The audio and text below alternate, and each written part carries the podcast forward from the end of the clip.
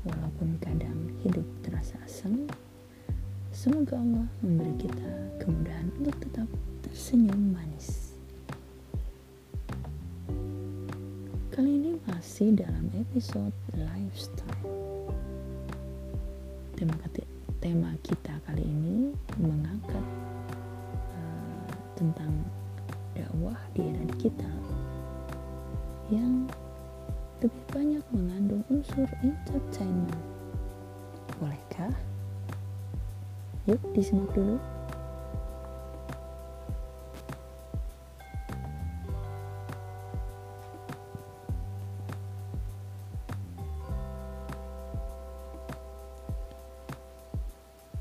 Dakwah entertaining di era digital. Munculnya para pendakwah atau dai yang menambahkan unsur entertainment atau hiburan di media elektronik dan masyarakat saat ini sangatlah marak.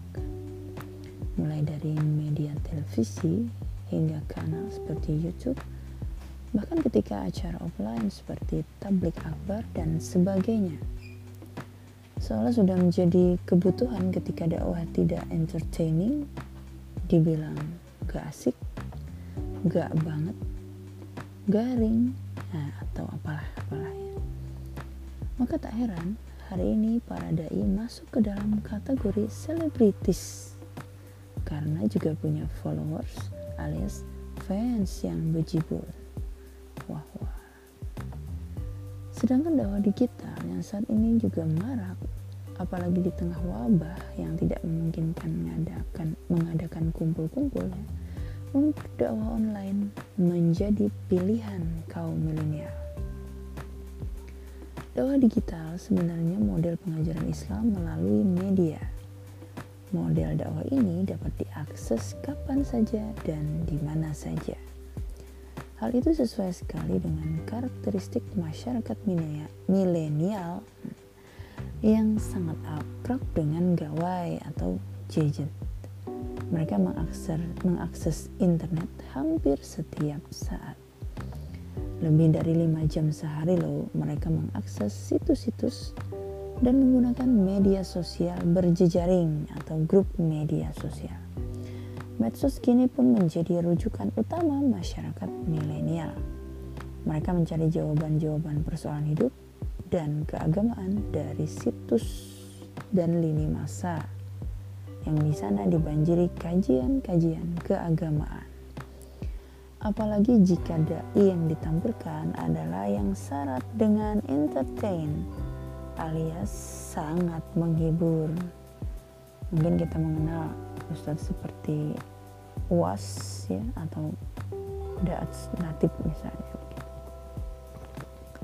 Nah, Tentu hal seperti ini bisa berbahaya jika tidak segera disadari bahwa tujuan awal sebenarnya adalah mencari ilmu agama.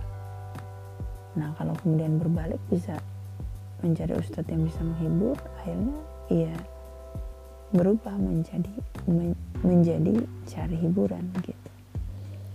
Belum lagi jika banyak juga dai yang tak kuat dalam hujah bisa-bisa yang disebar malah hoax semata. Na'udzubillah min zalik. Lalu bagaimana fenomena seperti ini dilihat dari sudut pandang Islam?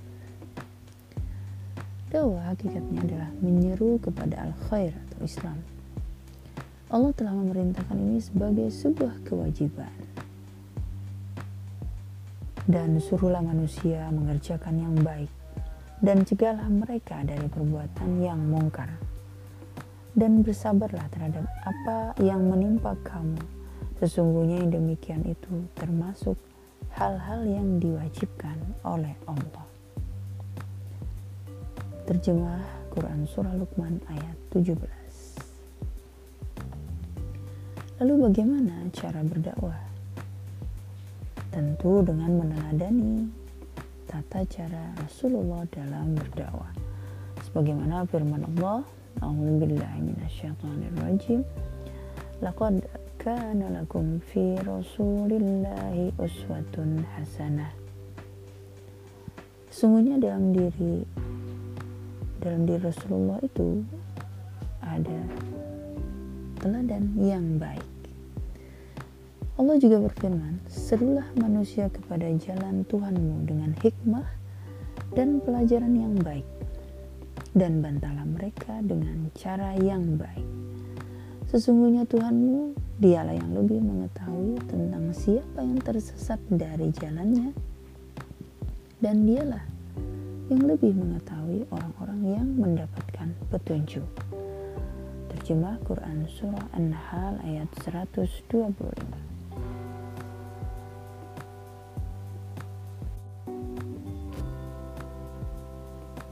maka tentu tidak masalah jika memasukkan di dalam dakwah itu unsur atau elemen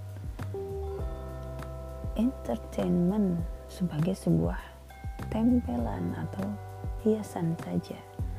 Tapi jangan sampai menghilangkan unsur penting dalam dakwah, yaitu memberikan pemahaman dan membangun kesadaran hakikat Islam kafah kepada umat. Dari sisi entertain dalam berdakwah, tujuannya sebenarnya adalah membuat penyajiannya lebih menarik dan pesan lebih mudah untuk sampai alias bisa diterima di semua kalangan, apalagi kalangan milenial. Seorang tokoh ormas besar pernah berkata, sebetulnya tujuan entertain adalah to make up, bukan to make down message. Entertain sebagai tontonan dimasukkan dalam dakwah adalah bagian dari proses kreatif tontonan dengan tuntunan menyampaikan pesan. Saya kira para dai dan media digital bisa berkontribusi dalam berdakwah, kata beliau bijak. Maka sebagai muslim tentu harus lebih mengedepankan kedalaman konten dan hujah ketika memilih berbagai kajian dari kanal-kanal tersebut yang paling tepat tentu dengan metode talaki atau bertemu langsung dengan guru ya. Atau kalaupun secara online berarti live. Dan bersama para ustadz atau dai yang kita tahu persis kapasitas ilmunya.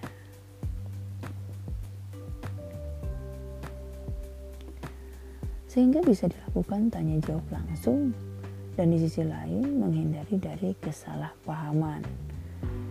Dan sebaiknya juga seorang yang mengkaji Islam tidak menelan mentah-mentah semua informasi atau materi yang ada. Ada baiknya mencari kajian pembanding agar kita mengetahui akurasinya. Akhirnya dakwah entertain di era digital seperti sekarang harus disikapi bijaksana uh, agar tidak juga apa ya kita berlebihan menolaknya atau juga terlalu serampangan dalam memilih kajian sehingga kehilangan tujuan utamanya yaitu dakwah ilal Islam. Semoga ini menambah dan menguatkan pemahaman umat terhadap Islam kafah. Amin.